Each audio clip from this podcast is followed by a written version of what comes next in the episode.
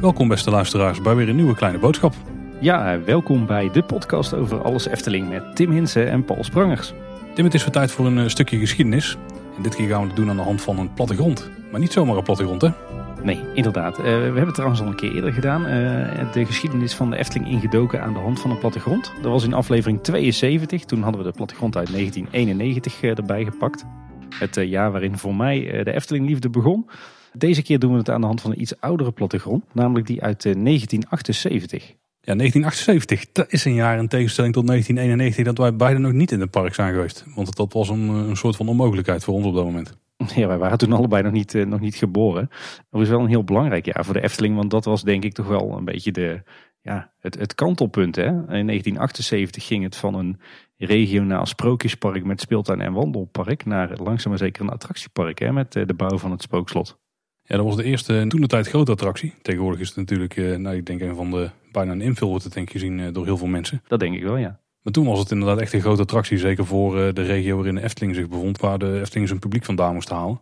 Waar vooral het, het gebied Nederland-België was natuurlijk. Ja, dus dat is ook de reden waarom we deze plattegrond even uit de verzameling getoverd hebben. Omdat dit een, een hele interessante periode is in de geschiedenis van de Efteling. En omdat we eens willen kijken samen naar hoe het park er in 1978 bij lag. Uh, het is overigens niet, niet de enige aflevering, en samen met die aflevering over de plattegrond van 91, dat we het over de geschiedenis van de Efteling hebben. Want uh, in ons bestaan als podcast hebben we het al heel vaak over de geschiedenis van het park gehad. Zeker. Maar ik denk dat dit wel een hele interessante plattegrond is om te vergelijken met hoe het park er nu bij ligt. Want zoals je al zegt, dit was een belangrijk jaar. Het spookslot ging open. En daarna zijn er natuurlijk nog heel veel grote attracties bijgekomen. Sterk nog, er zijn voornamelijk grote attracties bijgekomen. Eigenlijk heel weinig uh, van een kaliber kleiner dan, uh, dan een spookslot. Ja. Dus het is wel heel interessant om te vergelijken hoe het park zichzelf heeft ontwikkeld vanaf dat moment tot nu. En ook wat er bijvoorbeeld, uh, nou misschien, dat is dan ook een van onze speerpunten Tim, hoe het infrastructureel ook uh, is veranderd. Want ook daar kun je heel veel wijzigingen zien ten opzichte van nu. Ja, ik heb de plattegrond al eens opengeslagen en ik heb best wel wat interessante ontdekkingen gedaan. Die, die lang niet altijd bij de liefhebbers bekend zijn. Maar zullen we, zullen we even bewaren? Dan gaan we eerst even naar de geschiedenis van de plattegronden kijken, van de Efteling. Want de vorige keer bij de aflevering over plattegrond van 1991 hebben we dat des onkleine boodschaps overgeslagen. Ja, inderdaad, ja. Hoe kan het? Uh, nou, op zich is het ook weer niet heel gek, want het probleem is een beetje dat er niet heel veel bekend is van uh, de geschiedenis van Efteling plattegronden. Uh, er is eigenlijk met name voor de jaren 70 een beetje een, ja, een witte vlek. ik heb uitgebreid overleg gehad met Ramon Heren, bekend van Eftepedia natuurlijk. En die gaf ook al aan van er wordt nog gewerkt aan een Eftepedia pagina. Maar het is zo ingewikkeld en er is uh, zo slecht overzicht te krijgen dat, de, dat de pagina er daarom nog niet is. Uh, maar we hebben samen wel, uh, wel wat kunnen ontrafelen. de eerste plattegrond die eigenlijk bekend is van de Efteling, die stamt uit 1949. En dat was de plattegrond van tentoonstelling De Schoen. Die in het Rooms-Katholieke Sport- en Wandelpark plaatsvond. toen heette het nog zo. Uh, en als een plattegrond die zien we uh, in ieder geval in twee jubileumboeken terug. Hij staat in de Chroniek van een Sprookje en hij staat ook in Zijn we er al. En wij hebben hem trouwens ook uitgebreid besproken in onze geschiedenisafleveringen over de Efteling van voor 1952. Ja, daarna hebben we verschillende soorten plattegronden. dat begint waarschijnlijk vanaf 1952, maar ik moet bekennen dat ik nog nooit een plattegrond uit dat jaartal heb gezien. In ieder geval niet voor zover ik weet.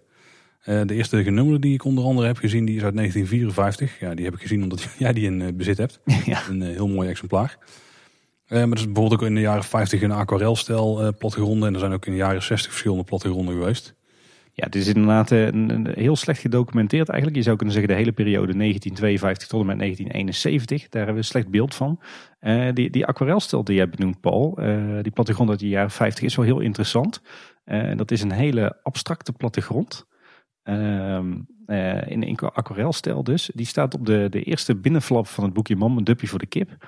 En uh, daarin is de Efteling heel abstract weergegeven. Het klopt geografisch ook totaal niet. Maar wel een heel mooi stijltje. Uh, en daar staat onder de mooie spreuk: U vertoeft er in een blijde wereld. Een hele mooie plattegrond waar je meteen warme gevoelens van krijgt. En ik heb zelf een, thuis een wat zakelijkere plattegrond uit 1954. Die, uh, die klopt geografisch wel, maar die is, uh, die is grafisch dan misschien wat minder aantrekkelijk. Uh, maar zo heb ik ook nog wat plattegronden uit de jaren 60. En dat is vaak niet meer dan een, een met wat, wat, wat lijnen erop. En, en wat vierkantjes en cijfertjes. En dat is dan wel, ja, heel veel meer moet je daar niet van verwachten.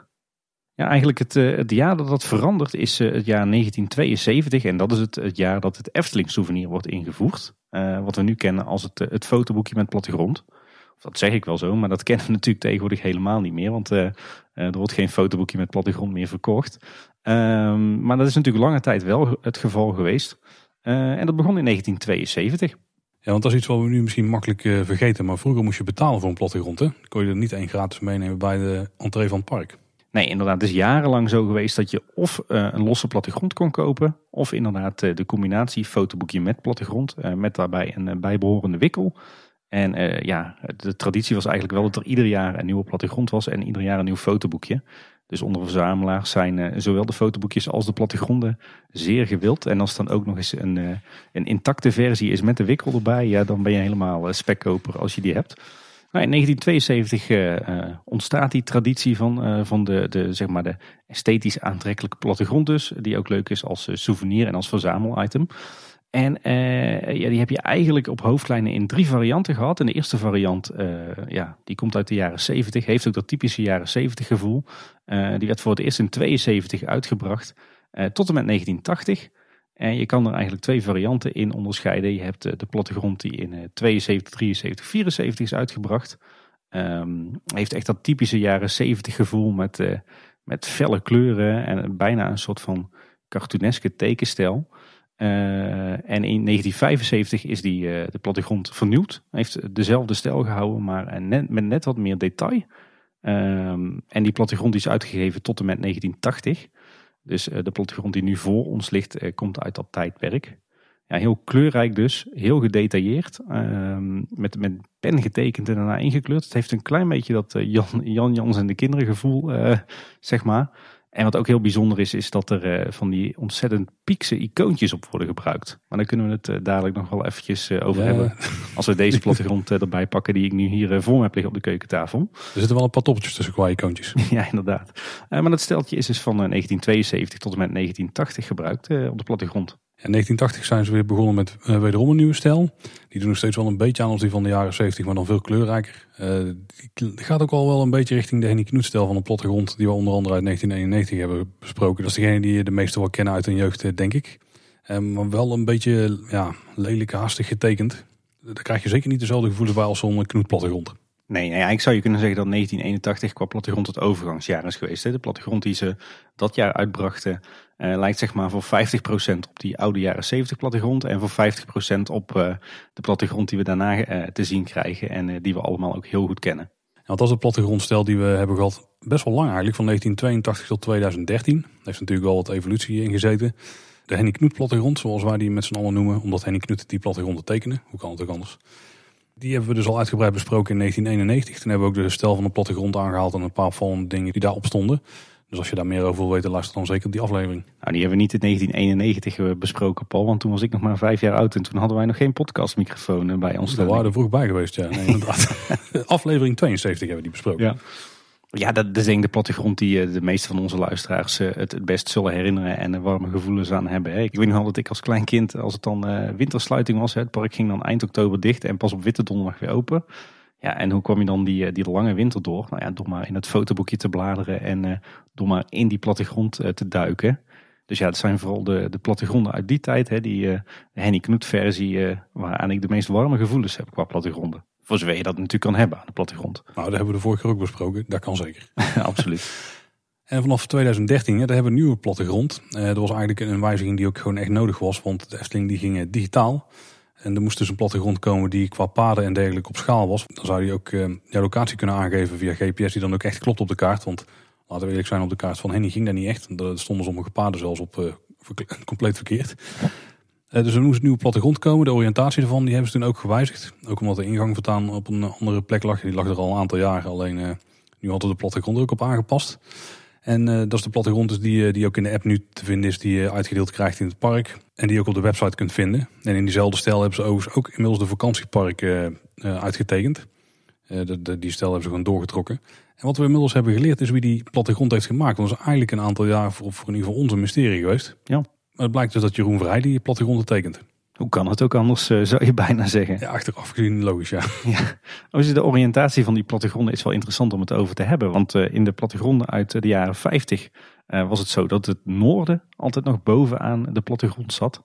Vanaf de jaren 70 eh, is het zo dat het, het zuiden bovenaan ligt op de kaart. Eigenlijk de oriëntatie die we dus eh, tot 2013 eh, hebben gehad.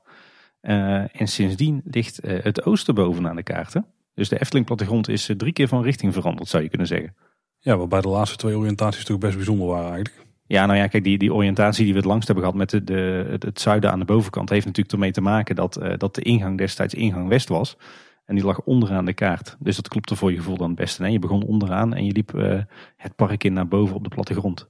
Het grappige vind ik wel dat hè, het is niet alleen de oriëntatie op de plattegrond, maar ergens ook een beetje de oriëntatie in je hoofd. Ja, nee, dat klopt absoluut. Ja. Maar, maar wat je net zegt is wel interessant, want dat is niet helemaal waar natuurlijk. Want deze plattegrondstijl ook die we nu gaan bespreken, die bestond al langer. En toen waren er meer ingangen dan alleen degene aan de noordkant van het park. Ja, ik zie op de plattegrond van 1978 inderdaad ook nog drie ingangen staan. Dus dat is niet per se logisch dat dat de reden was dat die oriëntatie zo was. Misschien was het vooral vanuit het dorp Kaatsheuvel beredeneerd. Dat zo heel veel mensen het zagen. Ja, vanuit de kant dat je aankwam rijden natuurlijk. Je zegt er nu de plek van waar je aan komt rijden. Heb je eigenlijk wel een goed punt. Want ook een heel belangrijk verschil met eh, nu is dat er toen nog geen meer de Brabantweg was. Al het verkeer wat vanuit Tilburg kwam ging over de Horst. Ja, dat was toen nog de, de officiële provinciale weg tussen Tilburg en Waalwijk. Hè? Dus ook dat is compleet anders eh, geworden natuurlijk tegenwoordig. Moet ik wel met het aantal bezoekers wat tegenwoordig langskomt. Ja, en dan had je de, de Europaweg, hè? Het, eh, het, het weggetje dat nu nog achter de geluidswal ligt aan de kant van het dorp Kaatsheuvel. Dat was toen de toegangsweg richting het Eftelingterrein. Inderdaad. Nou, eh, we dwalen weer een beetje af, Paul. De geschiedenis van eh, de Efteling is ook zo interessant. Maar misschien is het goed om eens eh, in de plattegrond te gaan duiken. Dat lijkt me heel goed, ja.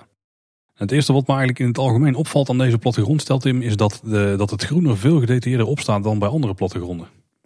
Ik zal me bijna af te vragen of dat ze niet bijna ieder boompje gewoon echt hebben ingetekend. Want zo gedetailleerd staat het er ooit letterlijk op. Ja, ik, ik vind hem sowieso niet alleen qua groen, maar ik vind hem op alle vlakken, ook qua, qua gebouwen en qua dingen die je kan ontdekken op de kaart, vind ik hem best wel gedetailleerd. En misschien is het een goede plek om mee te beginnen voordat we er zo diep in gaan duiken. Ik zie dat, die, eh, dat het een co-productie is, de kaart, van de Efteling samen met Eurocolor Cards in Sleewijk. Ja, wat we later kennen als eh, Eurocolor Creative, de drukkerij en eh, volgens mij ook het, de, de grafische vormgevers waarmee de Efteling nog heel lang zaken heeft gedaan. Maar we weten dus niet precies wie de vormgever is van deze kaart. Nee, inderdaad. Zou zomaar een, een externe illustrator kunnen zijn. Hè? En dat is zeker. Maar het detail van de kaart is wel echt enorm groot. Je ziet het bij heel veel gebouwtjes, zie je zelfs dakpannetjes erop liggen, zeg maar. Dit is echt eh, hele, hele goede kwaliteit. En dat is mooi, dat kunnen de luisteraars zien. Want uiteraard, dat hebben we niet eens gezegd, maar je kunt op de website kun je de plattegrond ook downloaden in eh, goede kwaliteit. Maar jij hebt hem echt op extreem hoge kwaliteit in laten scannen, Tim. En dan is het echt, de details die erop staan, dat is best gruwelijk eigenlijk. Ik heb hem eh, inderdaad, ik heb de luxe dat ik hem door een A0-scanner eh, heen kon jagen op hoge resolutie. Maar bij mij ligt hij gewoon nog op de, de keukentafel in papieren variant met de vouwen erin. Eh, ja, en, wat, wat verder opvalt is toch wel de tekenstijl. Volgens mij is hij eerst in potlood opgezet en is hij daarna met, eh, met, met een pennetje met zwarte inkt helemaal eh, tot in detail overgetrokken. Daardoor heb je hele mooie scherpe lijnen. En daarna is, is hij ingekleurd met, ja waarmee? Met, met gekleurde markers misschien. Nou, aquarel denk ik. Als ik een beetje inzoom, dan zie ik ook kleurverschil zitten binnen alle bomen en zo. En alle bladeren. Dat is eigenlijk wel een goede vraag, weet het niet. Ja, verder buiten de, de plattegrond om zijn er eh, eigenlijk een aantal hoofdelementen te vinden. In het midden van de kaart, eh, dus, dus de plattegrond van Efteling Park. Links de, de verklaring of de legenda, zoals we die nu zouden noemen. En rechts eh, zien we bovenaan het, eh, het bekende wapen met het schildje van de Efteling. Eh, daaronder de, de windroos met eh, het zuiden naar boven en het noorden naar onderen. En daaronder weer in een eh, soort van perkamentrol de Efteling, Kaatsheuvel, Holland. Met eh, ook nog een eh, typisch pieks ornamentje erboven. Je zegt er net inderdaad, we noemen het tegenwoordig de legenda. Maar als je hier ziet, ze hebben in verschillende talen hebben ze verklaring ook erop staan. En er staat er verklaring legende. Misschien een beetje een voorbode op de toekomst hè, van de Efteling. ja. Ik denk eerlijk gezegd dat het eh, Frans is voor legenda, Paul. Ik eh, heb ook zo'n vermoeden, ja. En er was nog iets wat mij heel erg opviel aan deze plattegrond in het algemeen. En dat is dat er mensen op staan. Ja. Er staan bezoekers op ingetekend. Precies. En het leuke is dat die bezoekers ook allemaal met iets bezig zijn. Ja, zeker. Ik zie, ik zie trouwens ook een bezoeker die wel verrekt veel weg heeft van het blonde vrouwtje. Die staat bij de grote glijbaan in de speeltuin in Noord. Ja, precies. Maar het zijn niet zomaar eh, mensen die gewoon getekend zijn en die stilstaan of die rondlopen. Maar ze zijn allemaal wel met iets eh, bijzonders bezig. We zullen het dadelijk ook nog wel eh, benoemen als we door het park heen lopen, virtueel. En het zijn niet alleen mensen die we zien, maar we zien ook gewoon bosbewoners. Hè? Wat dieren die rondlopen door het park. En die eh, in de bossen verscholen zitten. Er zitten ook een paar reuzenkonijnen, heb ik al gespot. Ja, superleuk gedaan. er zijn ook eh, nog, eh, net zoals vroeger in de Efteling, konden ook mensen aan het sporten. Ja, inderdaad. Uh, ik zei net dat, dat de plattegrond heel veel rijke kleuren heeft. Maar eigenlijk zijn het vooral groen- en bruin tinten, zit ik me nu te bedenken. Nu ik eens wat, wat dieper op de plattegrond induik. Ja, de mensen zelf die hebben nog wel gekleurde kleding aan. Dus daar nou, komen alle kleuren wel terug. Het zijn niet de primaire kleuren. Dus vergelijken die met Carnaval Festival, het is wel wat meer terughoudend. Ja. Een van mijn favoriete items in de plattegrond, daar hadden we het net al over, zijn de typisch Piekse icoontjes. die je in de jaren 70 op deze plattegronden terugvond. Maar dan niet alleen, je vond die ook terug in het park, op de wegwijzers en in allerlei publicaties. En die zijn echt, ja, eigenlijk gewoon, gewoon, gewoon grafische pareltjes, hè, zou je wel kunnen zeggen.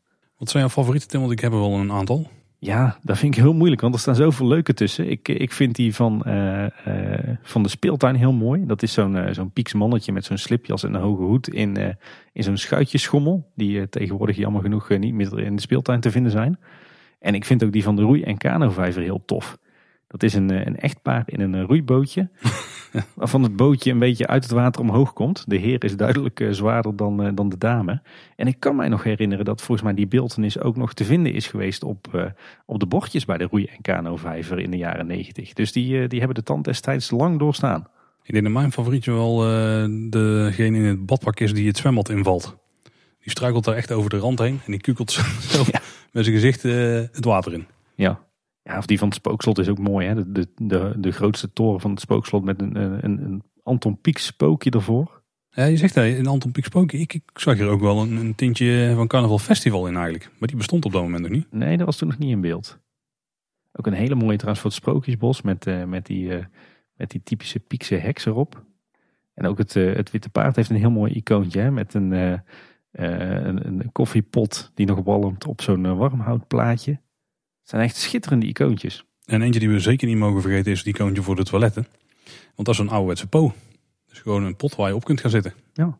Zouden mensen daar toen hebben gesnapt al? Of nog? Zo lang geleden is nou ook weer niet hè? nee, precies. Riolering al wel uitgevonden in Kaatsheuvel toen. Ja, zelfs in Kaatsheuvel wel, ja. Het valt nou trouwens op dat een aantal van die icoontjes wel zijn hergebruikt in uh, de plattegronden van Knoet in de jaren 80 en 90. Bijvoorbeeld het icoontje voor uitgang. Uh, wat een, een heel mooi uh, siersmeet uh, hekwerk is. die, zien, die vinden we zo ook nog terug op de plattegronden uit de, de jaren 90. Dus sommige icoontjes hebben nog lang bestaan. En ook het icoontje van het café-restaurant, dat is ook echt een gouden. Dat is zo'n echt zo'n zo'n piekse kok die een beetje achterover leunt omdat hij een, een dienblad met denk een warme taart erop heeft. En een grote koksmuts. Een soepterrine is het, denk ik. Oh, dat zou kunnen, ja. ja, ja, ja. En hij loopt op, op sandalen, zo te zien. Ja, inderdaad. Zo echt heel gedetailleerd die plaatje, ja, heel tof. Een hele loesje kok. Nog een ding wat opvalt is dat het spoortraject staat erop. Stoomtrein spoortraject. Maar dat maakt op dat moment nog geen ronde. Dus je hebt een, een station bij eigenlijk het café-restaurant. Maar daar houdt het spoor op. En dan maakt het spoor ongeveer zijn ronde. Maar er zit wel een belangrijk detailverschil in met nu. Zoals hij op dit moment ook loopt. En dan komt hij uiteindelijk uit bij het station in Marenrijk. En daar stopt hij dan weer. En dan gaat hij gewoon weer terug. Dus de stoomtrein die reed op en neer. Geen rondje ja, voor je gevoel, als je de huidige situatie kent, dan, dan klopt er iets niet. Nee, inderdaad. Maar wat, wat dus heel belangrijk is, Tim, is dat het spoor op één plek afwijkt van de huidige route. Ja, inderdaad. En dat is de eerste keer eigenlijk dat ik dat zie. Uh, want we hebben het er al vaker over gehad. Uh, het gedeelte van het park waar je nu uh, de oude Tufferbaan vindt, Polka Marina, Station de Oost. Dat is lange tijd geen onderdeel geweest van het Efteling Park. Dat hebben we al eens eerder ontdekt op, op kaartmateriaal. Uh, dat, dat was parkeerterrein. Wat blijkt nu, het stoomtreintraject liep op de plek zoals de parkgrens toen was. Want het zuiden van het park op dit moment, dan loopt de spoor ongeveer langs de buitenrand van het park, langs het hek zeg maar. Dat gaat natuurlijk veranderen straks met strookrijk, maar dat is op dit moment de situatie. Maar dat was toen net iets anders, want uh, we hadden uh, het huidige ruigrijk bestond er nog niet. Of dat bestond in ieder geval heel weinig van, maar daar kunnen we het straks nog even over hebben. Nou, als je het huidige spoor hebt langs de oostkant van het park, dan maakt het iets sneller een bocht naar rechts. En dan loopt het eigenlijk ja, bijna parallel met hoe de halve maan schommelt. Ik denk ongeveer op die plek of misschien net iets meer uh, richting het kinderspoor. En dan loopt een beetje schuin zo vlak langs het toiletgebouwtje langs de Meermin af. En vanaf daar loopt het weer naar het zuiden en maakt het uiteindelijk de bocht achter uh, de en Kano langs. En dat is hoe het spoor toen liep. Dus er zitten een paar extra slingers in. Inderdaad, ja. Ja, eigenlijk inderdaad, als het ware uh, lag er het, het, spoor ongeveer op de plek waar je nu de, de kurkentrekkers van de Python vindt, hè? Ja, inderdaad. Daar lijken ze ongeveer onder door te rijden. Wist ik niet, eerlijk gezegd. En dat stuk land wat, wat toen dus nog parkeerterrein was, dat is pas in 1984 toegevoegd aan de Efteling. En toen is dus ook het, het, spoor, het stoomtreintraject weer verlegd en heeft het de vorm gekregen zoals we die nu kennen. Ja, maar dat is natuurlijk een hele goede reden dat daar een parkeerplaats was. Want wat een heel erg groot verschil is met nu en ook overigens met de jaren 90, is dat er ook nog een ingang zat toen aan die kant. Er was namelijk ook een ingang Oost, die heeft er gezeten tot 1980. En dat was echt een, een, een ingang met daarna dus ook het toiletgebouwtje en dan was je meteen bij het zwembad. Dus dat was eigenlijk best wel een praktische ingang als je alleen kwam om te zwemmen in de Efteling. Ja, je zou kunnen zeggen dat die ingang ongeveer lag op de plek waar nu de ingang van de meandering van de halve maan ligt. Ja, dat klopt aardig denk ik, ja. ja. Ja, zo zie je zo'n plattegrond geeft je toch weer een hoop nieuwe inzichten. Misschien is het goed, Paul, dat we gewoon eens even, eh, als het ware, virtueel door het park gaan lopen eh, via deze plattegrond. Maar dan is meteen een hele grote vraag: vanaf waar gaan wij het park betreden? Want we hebben ingang West, ingang Noord, maar we hebben ook nog ingang Oost. Ik eh, pleit eh, toch voor ingang West. Toch de classic? De classic, ja. Ingang West is eigenlijk ook helemaal zo oud nog niet, hè? Want daarvoor hebben, heeft de ingang op verschillende momenten nog op verschillende plekken gelegen. Ja, we hebben ook nog ingang Parklaan gehad natuurlijk. Maar dit is wel de, de ingang die langs nog in gebruik is geweest van de ingangen die hier eh, op het plattegrondje staan. Ja. Wat me trouwens nog opvalt aan het plattegrond is dat er ook een hint op staat naar een toekomstige attractie, Tim. Want bij ingang West, daar staat vlak naast een blauwe oude tuffer geparkeerd. Ja, inderdaad, ja. Ik vraag me af dat die in 1978 al in beeld waren hoor. ik heb zo'n vermoeden van niet, maar nee. hij, staat, hij staat er toch op. Dit is gewoon echt een theefortje. Ja. Ja, misschien nog een goede disclaimer om vooraf te doen. We hebben dit zelf dus niet meegemaakt, Efteling, in deze tijd. Dus we moeten vooral afgaan op eh, de kennis die we hebben en vooral de plattegrond die we nu voor ons neus hebben. Dus we beschrijven vooral wat we daarop zien. En het kan natuurlijk zijn dat in het echte details net iets anders nog waren. Nou, laten we dan onze wandeling inderdaad eh, beginnen op, eh, bij ingang West. Het, het ingangsgebouw wat er tot 1995 heeft gestaan. dat stond ongeveer op de plek van waar we nu Ravelijn vinden. En meer specifiek uh, eigenlijk het, het kantoor Ravelijn. Uh, niet dat wat parallel aan de Europalaan ligt, maar wat daar haaks op staat. Ja, dit ligt grofweg een, een, een, stuk naast Droomvlucht gewoon. Ja, klopt. Je, je, zou, je zou wel kunnen zeggen dat, tenminste dat zijn mijn herinneringen uit begin jaren negentig. Dat, dat zo'n beetje de hele locatie van Ravelijn, dus het kantoor en het restaurant en de show en de tribunes. Dat dat destijds ook ongeveer het ingangsgebied was. Want je had dus ingang West uh, maar daarna had je een, eh, een, een, heel charmant pleintje met vervolgens weer controleposten. En daarachter weer een mooie brede laan waar nog een souvenirwinkel aan stond. En ja, dat strekte zich ongeveer uit in het gebied waar we nu Ravelijn vinden. En als we de, de ingang doorgaan, dan zien we voor ons een brede laan. Die is niet gescheiden met die plantenbakken zoals we die van later kennen. Mm maar deze lijkt wel vol te staan met groen langs de zijkanten. Echt een parkgevoel denk ik als je daar binnenkwam. Ja, inderdaad. De, die laan die, die lag zo te zien parallel aan, aan de Europalaan. Eh, een kaarsrechte weg. En die maakte een scherpe bocht naar rechts. Ongeveer op de plek waar we nu uh, eigenlijk speeltuin kindervreugd uh, vinden. En dan ging dat pad verder het, het Marenrijk in, of het Westerpark zoals het nu heette. Met aan je rechterhand de toiletgroep Het Gemak en aan je linkerhand de grote speeltuin. dus dat was zeg maar een beetje de, ja, de grote laan het park in vanaf de entree. Ja, waar je dan eigenlijk die scherpe bocht omheen hebt gemaakt is een heel groot grasveld. Daarop staat ook de fontein van Sint-Nicolaas. En eh, daar hebben we ook de garderobe zitten. En die garderobe had ook een schuilgelegenheid aan met daarvoor wat bankjes. En uh, daar kon je volgens mij wel prima zitten. Maar er loopt buiten dan vanaf de ingang geen pad naartoe als je daar later op de dag naartoe zou willen. Want je kunt wel het grasveld betreden eigenlijk door dezelfde poort van de Sint-Nicolaasplaats die we nu al kennen. Die, die we nu nog steeds kennen. Dan kom je ook bij station Marenrijk uit. Dat ligt ook aan het grasveld. Maar er liggen weinig paden daar op het grasveld. Klopt, ja, dat was inderdaad één groot grasveld. eigenlijk zou je kunnen stellen dat het huidige Tom van de Ventplein plus zo'n beetje het oppervlak van Droomvlucht, Villa Volta uh, en Ravelijn, dat dat eigenlijk uh, één groot grasveld was. Is ook niet zo gek, want hier hebben vroeger de voetbalvelden van Desk gelegen. En dat was toen dus één groot grasveld, werd toen al wel de Sint-Nicolaasplaats genoemd. Uh, de, de fontein met Sinterklaas erop, die stond overigens op een andere plek. Die stond helemaal centraal op het grasveld. Nou, het grasveld zelf, daar kon je op picknicken en op, op liggen en luieren. En dat garderobegebouw waar jij het over hebt, Paul, dat is wel een heel, een heel bijzonder gebouw. Uh, dat is uh, natuurlijk inmiddels volledig verdwenen. Maar dat was nog een behoorlijk fors gebouw. lag ongeveer op de plek waar we nu Droomvlucht vinden. een langwerpig gebouw met een, ja, echt een piekse uitstraling. Hè? en het was eigenlijk zowel schuilloods als garderobe. Nou, we staan dus nu bij de Sint-Nicolaasplaats. Maar wij gaan de andere kant op, Tim. We gaan langs het Witte Paard naar de grote speeltuin toe. De grote speeltuin, jij zegt het al, die had zo'n beetje het oppervlak van wat we nu kennen als het Lavelaar en het Anton Pieckplein. Dat liep eigenlijk mooi in elkaar over. En in die speeltuin is van alles te doen, Tim. Ik zie hier echt een enorme hoeveelheid speeltoestellen. een paar dingen die zo opvallen. We hebben een, een molen, dat is denk ik nog de Jeepmolen. Als ik het moet gokken, die, daar kunnen we niet echt goed inkijken. Dan hebben we ook nog een, een draaimolen. Is dat de Anton Pieckmolen? Ja, dat moet wel. We zien ook de drinkenpoerpomp daarboven nog staan. Dan hebben we een aantal van die schommelschepen. Zoals, we die, zoals je die net al mooi beschreef met aan de hand van het icoontje. Want dat is hetzelfde soort schip. Dus een soort schommeltje. De schuitjeschommels bedoel jij denk ik hè? De schuitjeschommels, yes. En dan hebben we ook nog een soort wipwap-achtige loopbrugconstructie met de ronde onderkant. Ik weet niet precies. die, heb ik, die heb ik er nooit op gespeeld in ieder geval.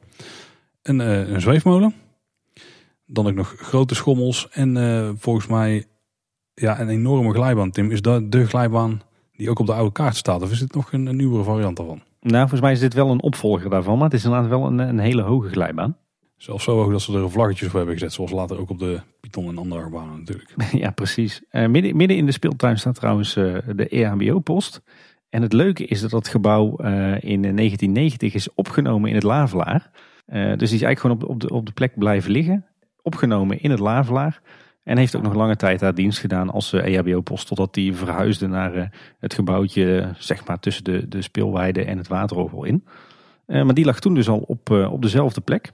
Maar dan midden in de speeltuin. Ja, en grenzend aan de speeltuin vinden we ook het kinderspoor. Want dat is natuurlijk de, het oude traject. we zien daarbij op het kaartje nog een molen, een oud huisje en, een stationsgebouwtje. Maar ik mis hier toch wel de grot op de tekening. Dus een beetje aangrenzend aan het dienstencentrum. Hè, ongeveer waar nu die paardenmolen staat. Ja, inderdaad.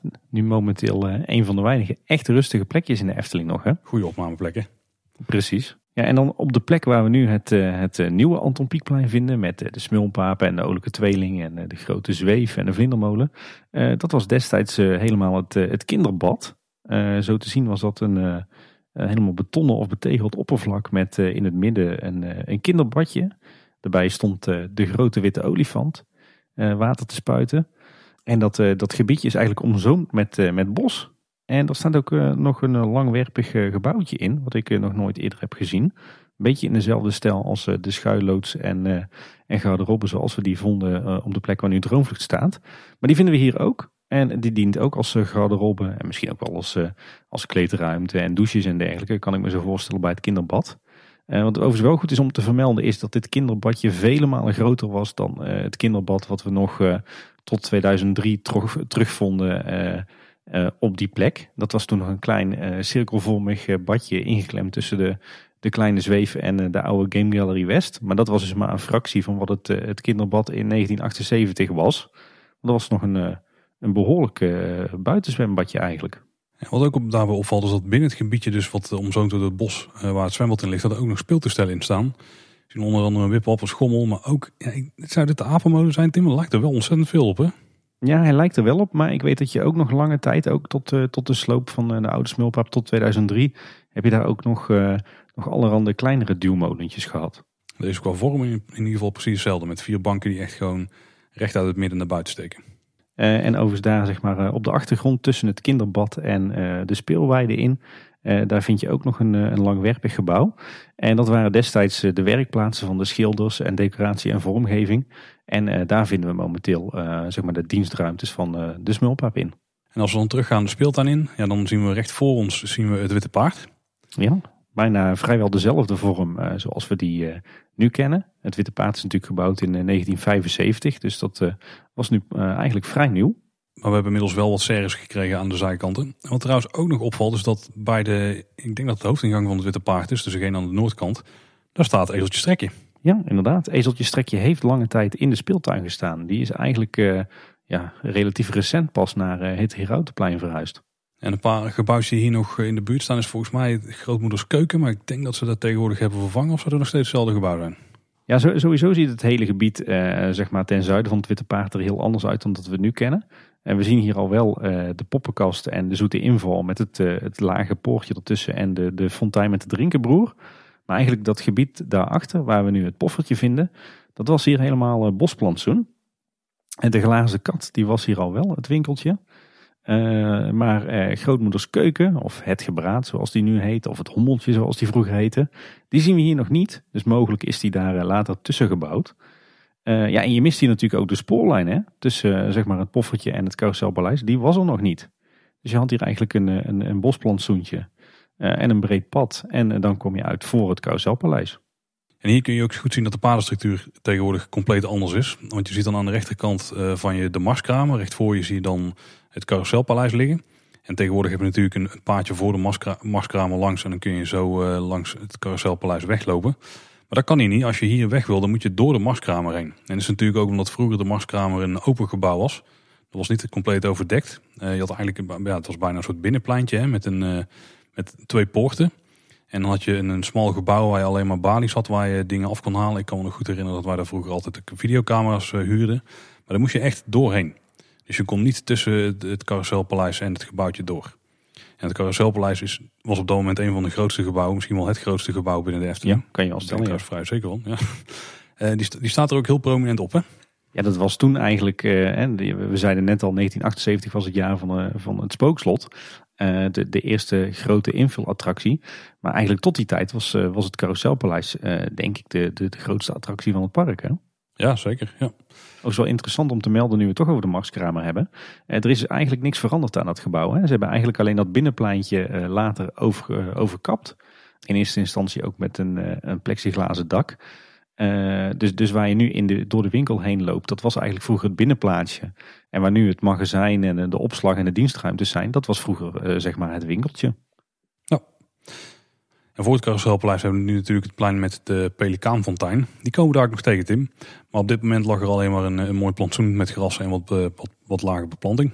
Heeft er ook nog lange tijd gelegen hè, op die plek. Ja, zeker. Ja. Maar met als belangrijk verschil dus dat er hier nog geen spoorlijn liep. Nee, inderdaad. Dus je, kunt hier gewoon, je kon hier gewoon redelijk vrij inlopen. Wat je nou ook hier wel goed kunt zien is dat er een deel plantsoen aan de zuidkant van het Witte Paard zat. Dus naast de glazen kat. Die liep nog veel verder door richting uh, het Carouselpaleis. En die hebben ze natuurlijk weggehaald. Want nu kun je vlak naast het gebouw staan. Ook waar, uh, waar Geo en de Gijs zit. dat stukje hebben ze daar ook compleet anders ingericht tegenwoordig. Ook waarschijnlijk omdat de spoorlijn toen kwam. En dat het logisch was dat die daar liep. Want als we namelijk richting de dubbele laan gaan. Dan zien we daar nog steeds het, het wat, wat toen nog toilet was ja, dat is wel interessant, want uh, het gebouw wat we nu kennen als de grote EHBO-post, dat is, uh, dat, dat is heel lang uh, de grote garderobe geweest van het park. Maar nu ik op, op deze plattegrond kijk, blijkt dat dus ook toiletgroep geweest te zijn. Ja, en daarvoor zien we nog steeds de oude poort met eraan vaste de het suikerhuis zoals we die eigenlijk al kenden. Maar dan zie ik een object wat ik niet wist dat daar stond. dat is namelijk eigenlijk aan de dubbele laan, want op dit moment nog geen dubbele laan was op deze plattegrond. Maar daar zien we een, een, een poort midden in het park. Ja, inderdaad. Die staat eigenlijk haaks op dat poortje van richting de garderobe. En die staat ongeveer op de plek waar dat je nu, uh, zeg maar, als je vanaf, de, vanaf het reizenrijk komt en je loopt over de dubbele laan richting het Marenrijk, dan kan je op een gegeven moment rechts richting het Efteling Museum. en op die plek, daar stond dus vroeger een gemetselde poort over het pad heen. Lijkt een beetje op de poort aan de onderkant van de trap van het kasteel van Doornroosje. Ja, daar heeft hij inderdaad veel van weg, ja. Ja wel heel onhandig met groot materieel. Dat zal ook wel de reden zijn dat ze hem uiteindelijk hebben afgebroken, kan ik me voorstellen. Dat denk ik ook. Uh, ja, dan vinden we eigenlijk op de, de plek waar dat die nu ook uh, ligt, vinden we ook op deze plattegrond de speelweide. Hij lijkt wel wat meer vierkant dan dat hij nu is. Is misschien een, een tekendingetje, maar ik kan me ook voorstellen dat hij wat verkleind is later, omdat de spoorlijn dan natuurlijk moest komen lopen.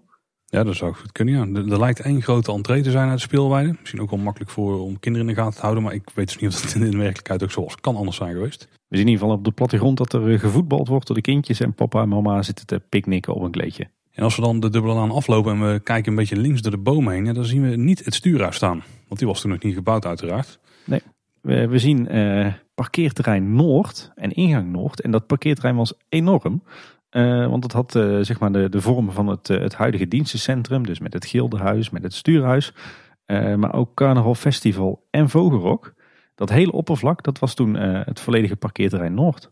En met daarbij uiteraard ingang Noord. Die zien we namelijk liggen als we de dubbele laan uitlopen en dan naar links kijken. dat was een plek waar, je heel vaak naar binnen ging. Want het was voor ons een heel gunstige plek namelijk van, van, vanuit de plek waar wij woonden. Ja, nou ik herinner mij ingang Noord nog uit begin jaren 90 als een hele lelijke ingang met allemaal in eh, MDF uitgetimmerde uh, poortjes. een beetje in dat carnaval festival van toen. Maar hier op de plattegrond zie ik nog drie hele mooie Eftelingse huisjes met, met puntdaakjes, met leidjes erop, met pironnetjes, met echte piekkleuren. Dus dat was blijkbaar een hele piekse ingang destijds. Ja, die zullen ze toen Carnaval Festival is gekomen wel hebben aangepast. Want deze ingang lag daar gewoon pal naast. Ja. En dan kwam je ook uit op het plein van Carnaval Festival. Wat er toen van buiten nog lelijker uitzag dan tegenwoordig als ik het een beetje moet gokken, Tim, dan denk ik dat ingang Noord ongeveer op de plek lag waar nu Carnaval Festival staat. En dan vooral de entree en het, eh, de wachtrij daarvan. Ja, inderdaad. Ja, dat klopt. En als we dus uh, nogmaals het dubbele pad aflopen, komen we dus op uh, wat nu het Reisrijkplein is. Maar dat bestond er nog niet. Er was ook nog geen Monsieur Cannibal, er was geen Carnaval Festival, geen Vogelrok zoals je net al zei. Maar wel de Pelikaanfontein. Die vonden we namelijk hier. Ja, inderdaad. Die, die stond daar tot de komst van Carnaval Festival. Toen kwam er de Kikkerfontein. En toen heeft de Pelikaan zijn functie verloren. En toen is hij neergezet in het plantsoen voor de stoomcarousel. mooi in een taxishaag. En later is hij door Michel den Dulk dus weer, heeft hij zijn oude functie weer teruggekregen als fontein. Wat er wel was, was natuurlijk het café-restaurant. En het terras daarvan lijkt een stuk groter. Maar dat komt natuurlijk ook omdat het panorama alle kachter op dat moment nog niet was. Tenminste niet die aanbouw die daarbij bij hoorde. Wel het dakterras en zo, wat we nu dus kennen als panorama lounge. En het terras lijkt hier ja, bijna tot aan het water. Het loopt er alleen nog maar een, een smal paadje tussen. Maar de rand van de siervijver aan deze kant in ieder geval, die lijkt wel vergelijkbaar te zijn met wat hier was. Uh, wat wel lijkt te missen is de fontein. Tenminste, ik neem aan dat als hij er was, dat ze hem hadden ingetekend. Er staat een, een soort ja, zwaanachtige, ja. misschien een, zwaan, een kruising tussen een zwaan en een eend. Uh, ligt er nu in het water, volgens de tekening. En wat me ook nog opvalt is dat hier zo'n driehoekig plantsoen ligt, wat uh, zorgt voor een soort driesprong in de weg. Zoals we die ook kennen van wat vroeger voor de, de meermin lag. Ja, zoals een beetje het oude grasveld bij het Steenbokplein, maar dan wel iets kleiner. Ja, zo'n zo'n driesprong die lag hier eh, denk ik ongeveer op de plek waar we nu de ingang van het eh, kinderavontuur Dolhof vinden. Hè? Ja, ja, inderdaad. Ja, precies daar. Ja, wat ook nog opvalt is dat het, eh, het, terras van, uh, van het café-restaurant volgens mij toen nog steeds meerdere verdiepingen had.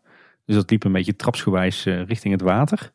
Ja, en op de plek waar we nu speeltuin Kleuterhof vinden, en ook de hotelingang en een stukje back of the house, dat was toen spoorwegemplacement.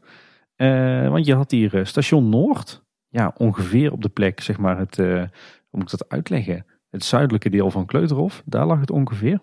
Op dezelfde hoogte als waar je, waar je lange tijd het podium Siervijver hebt gehad. Uh, daar lag een stationsgebouw en het spoor liep daar uh, door richting het noorden. Dus achter het café-restaurant langs en daar konden de, de treinen omdraaien. Oh, die draaide daar ook echt om. En dat moet natuurlijk wel, want ze hadden maar één locomotief per treinstel. Ja.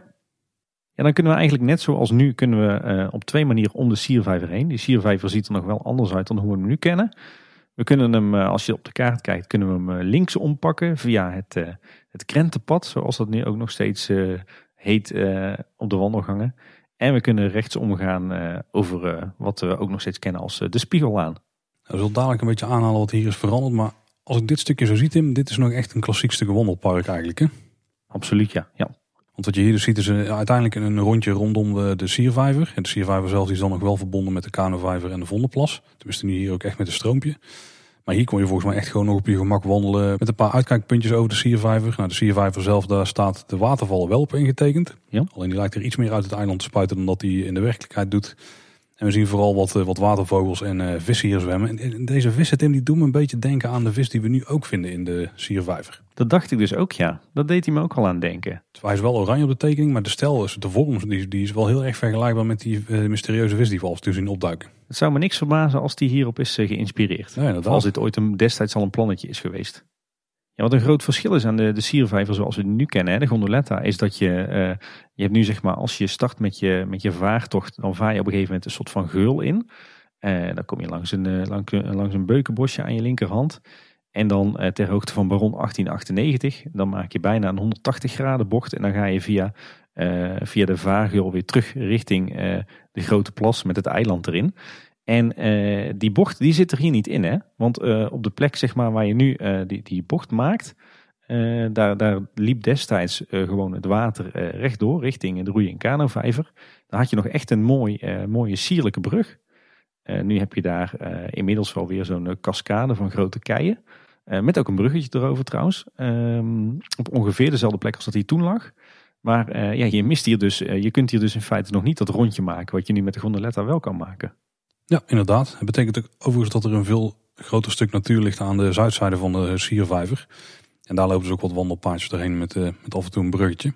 Ja, een heel mooi groen gebied met veel gras, veel bomen. Het valt mij nog op dat het, het krentenpad, dus zeg maar het pad vanaf nu Kleuterhof richting het kinderspoor, dat het hier dubbel is uitgevoerd. Dus je splitst op een gegeven moment en later kom je weer terug bij elkaar. Dat wist ik eerlijk gezegd ook niet. Dus we lopen nu het, pad af over het Krentenpad. Hè? Dus we lopen nu naar het zuiden richting wat nu Ruigrijk is. En dan lopen we iets verder en dan komen we op een, ja, op een soort viersprong uit. We kunnen rechtdoor, dan, dan volgen we eigenlijk de zwembadlaan. Die komt uiteindelijk uiteraard uit bij het zwembad. Maar we kunnen ook naar links. En dan staan we eigenlijk op de plek waar de Meermin nu ligt. Met daarachter nog een toiletgebouwtje. Het toiletgebouwtje was er hierop staat is later gesloopt. En midden jaren 80 is die herbouwd, want de capaciteit was niet voldoende. Maar er heeft dus wel altijd al een toiletgebouwtje gestaan. Die hoorde bij ingang Oost. Want die vinden we daar namelijk. Want als je dus verder naar links gaat, dan zou je het spoor overgaan. En dan loop je het park uit, kom je bij de parkeerplaats. De ingang Oost die ligt dus ongeveer ter hoogte van uh, de, de huidige ingang van uh, de meandering van de halve maan. Uh, en dat doet mij wel denken, Paul, die viersprong die hier nu ingetekend staat. Is dat niet dat, dat plantsoen zoals dat momenteel ook nog steeds voor de Meermin ligt? Daar heb je toch ook zo'n kruispunt van wegen nu nog? Ja, die is wel al meermaals aangepast. dat weet ik toevallig omdat er een sprangersboom stond die toen weggeschaald en verplaatst is. Het zou kunnen zijn dat een van de plantsoenen die hier staan daar wel onderdeel van was, ja. Maar hier is de structuur dus wel veranderd, vooral met de komst van gondoletten. Want toen hebben ze een flinke extra gul eh, gegraven. En er zijn ook wel uh, bruggetjes bijgekomen. Dat maakt oriënteren op deze kaart wel lastig, vind ik.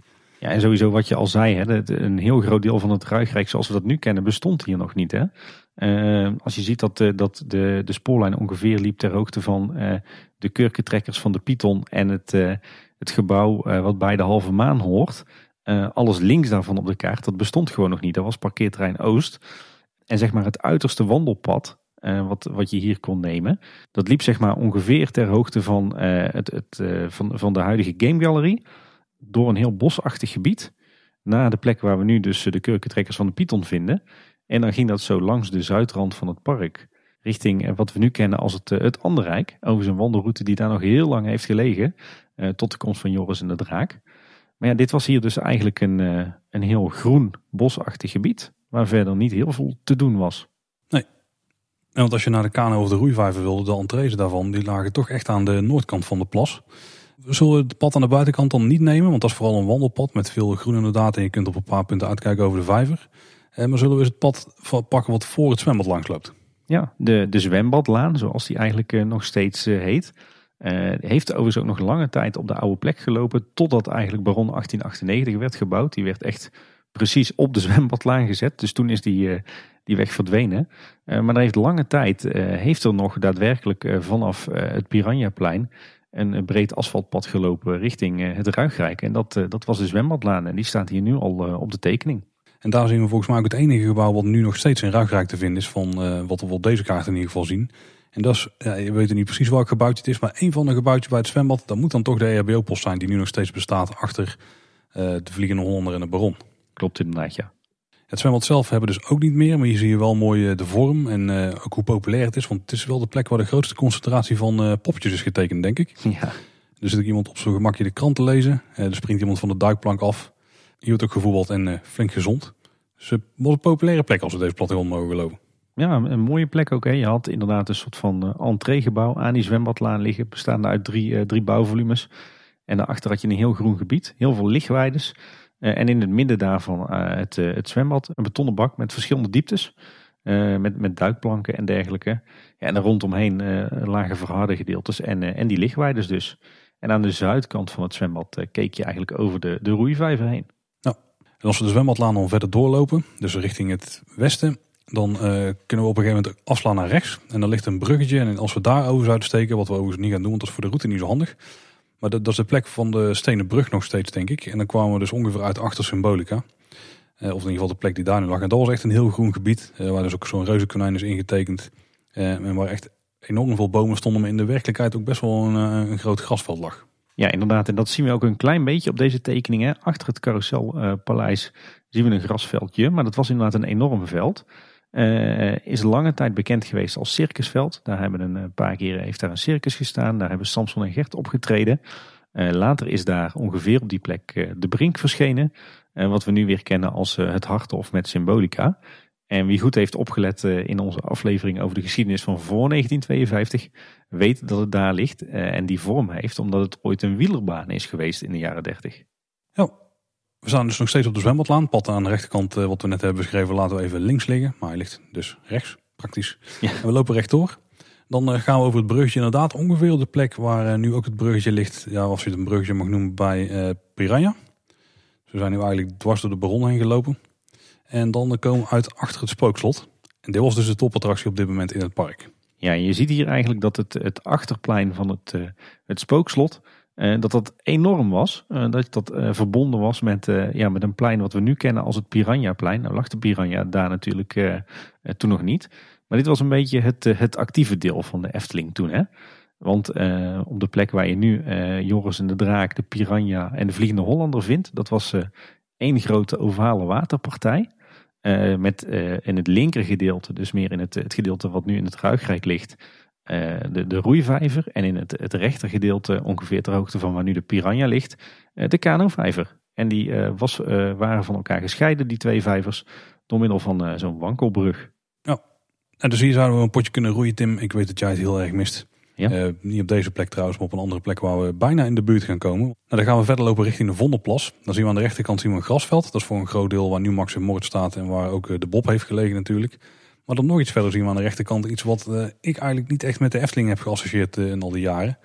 En dat is eh, ja, een hertenkamp. Ja, een hertenkamp. Daarvoor was het de Veulenweide, of het, de, pony, de Ponyweide, Ponykamp. Hier heeft nog een manege gezeten, maar inderdaad in 1978 was het al de hertenkamp. En sowieso is het wel mooi om te zien dat het hele gebied waar we nu dus Max en Moritz, de Steenbok en Fabula hebben liggen.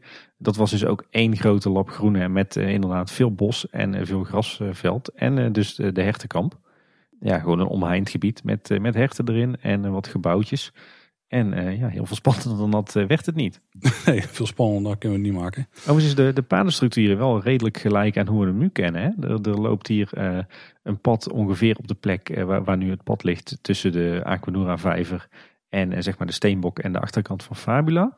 We hebben hier nog zo'n driesprong liggen, ongeveer op de plek waar, waar vroeger dat, dat grasveld was met het podium bij de Steenbok. En ook het pad vanaf het Piranhaplein richting Fata Morgana, dat, eh, dat lag al op de, dezelfde plek. Dus de padenstructuur is hier heel erg eh, lang eh, gelijk gebleven. Ja, wat me hier niet heel duidelijk is, want we komen nu dus bij de Vondelplas. En is eigenlijk ook de enige plek waar je als bezoeker heel dicht bij de stoomtrein kunt komen. Ja, dit moet hier toch ergens een oversteekplek zijn geweest, want anders kun je nooit het rondje rond de Vondelplas maken. Nou ja, ik denk, eh, je kon toen eh, op de Vondelplas nog niet roeien. Hè? Want wij kennen natuurlijk de, roei, de ook als roeivijver. Maar roeien deed je toen dus eh, op een heel andere plek in het park. Waar, waar nu Joris en de Draak en de Vliegende Hollander liggen. Maar de Vondelplas was, was in 1978 nog echt gewoon een, een waterpartij omzoomd met groen. waar je hooguit wat kon wandelen. En ik zie hier ook geen paden ingetekend. Dus volgens mij was het ook allemaal niet verhard. En was het ook niet echt een, een heel druk en populair stukje park. Eh, maar volgens mij ligt er wel iets van een oversteekplaats op de plek waar we later spoorwegovergang eh Roeivijver hadden. Dus die ligt iets noordelijker dan, eh, dan de spoorwegovergang bij de Fata Morgana.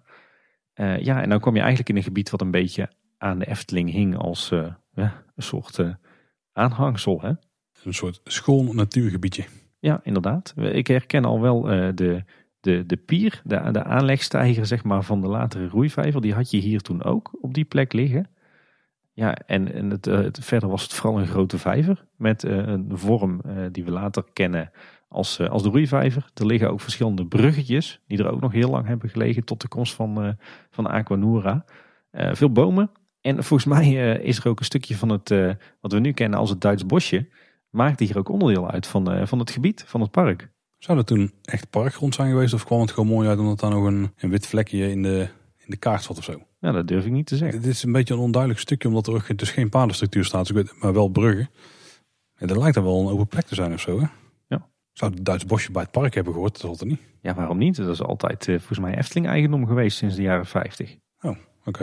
In ieder geval, je, je kan het je bijna niet voorstellen. hè. Je moet je dus indenken dat je hier de vijver hebt liggen die we nu kennen als Aquanura vijver. Maar dan zonder Fata Morgana, zonder Efteling Theater en zonder Huis van de Vijf Zintuigen. En zonder pandadroom lunchbox. En dit, eh, nogmaals, dit is dus de enige plek waar je als bezoeker het spoor kan oversteken. Want op andere plekken in het park was het gewoon niet nodig. Behalve trouwens bij ingang, eh, ingang Oost. Daar was het wel nodig. Maar verder kon je ineens het spoor over. Nee. Dan gaan we onze weg vervolgen. We lopen het hertenkampje af, dus richting het noorden. En dat is eigenlijk het pad wat we nu ook hebben vanaf Vrouw Bolters Kuchen naar, eh, eigenlijk naar de oversteek bij de Bruspromenade van het spoor. En dan kunnen we ook ongeveer het traject van de Pardoespromenade volgen. Dan gaan we door een heel dicht bebos gebied. Nog een, een klein veldje daar, daar langs, of kleine open plek.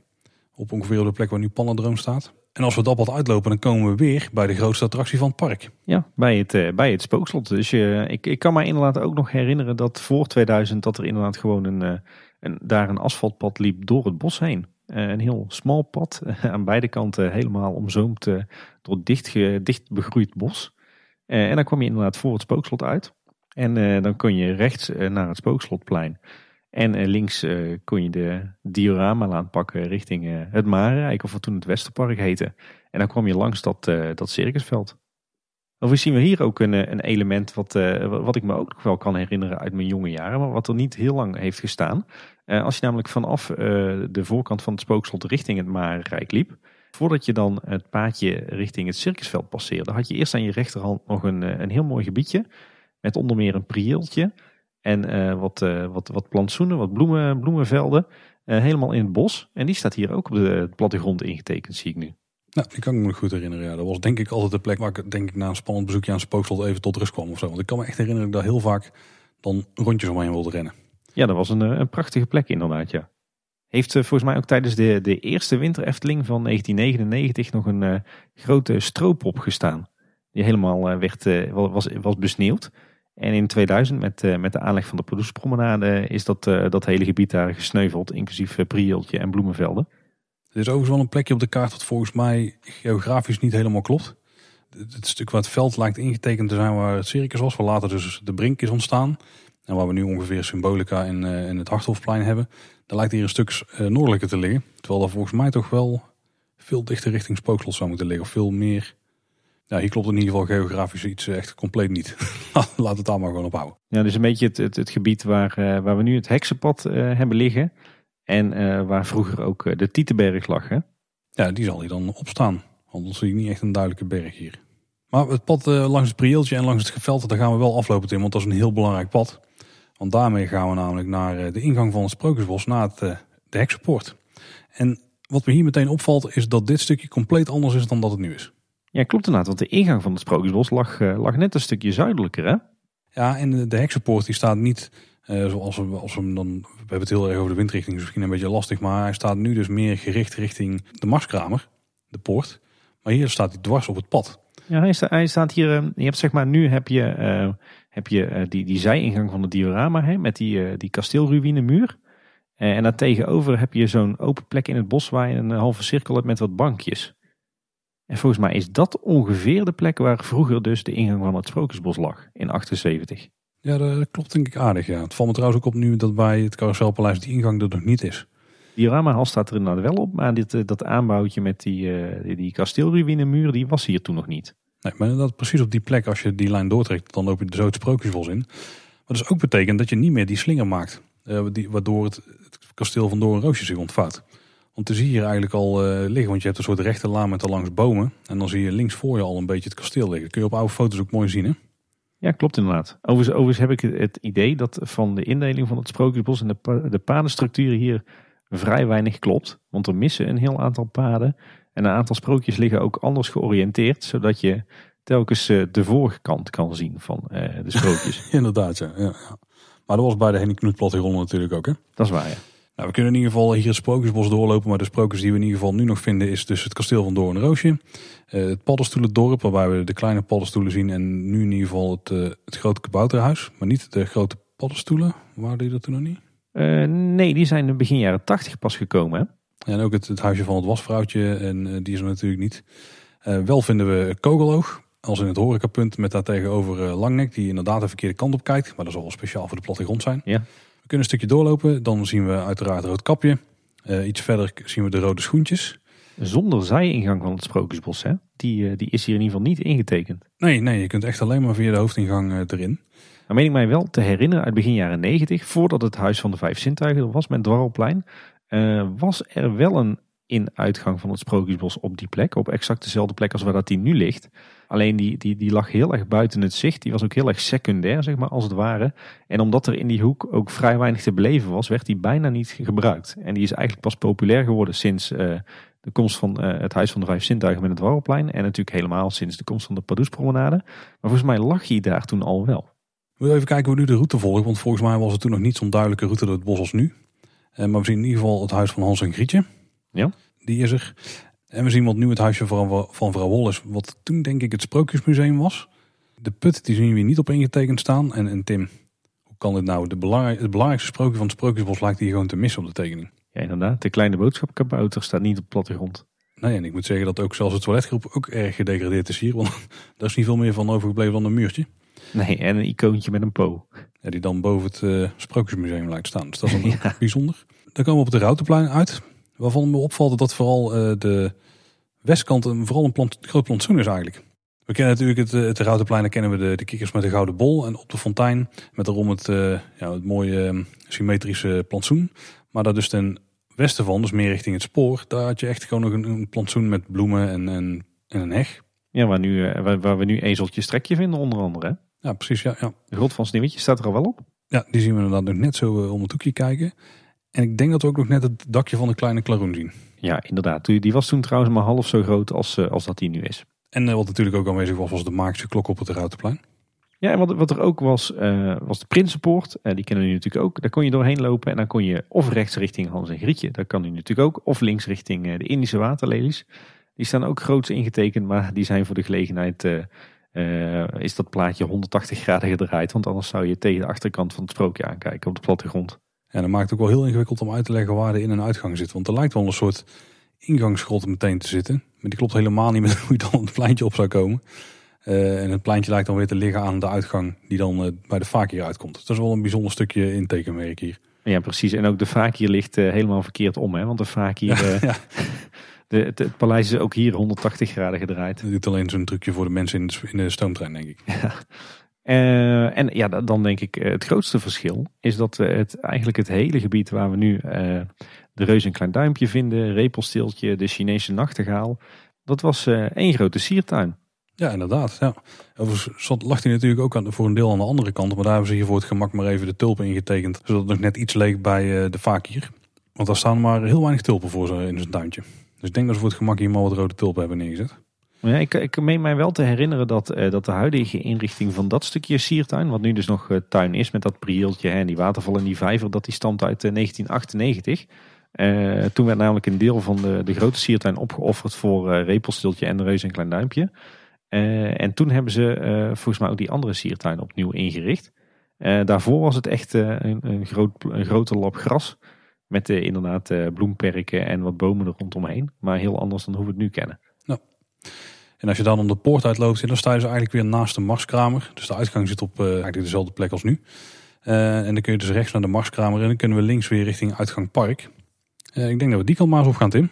Ja, inderdaad. En dan zijn we volgens mij rond, in ieder geval op deze plattegrond. Ja, zeker. Ja. Nou, dan staan we buiten, Tim. Hebben we een goede dag gehad in de Efteling?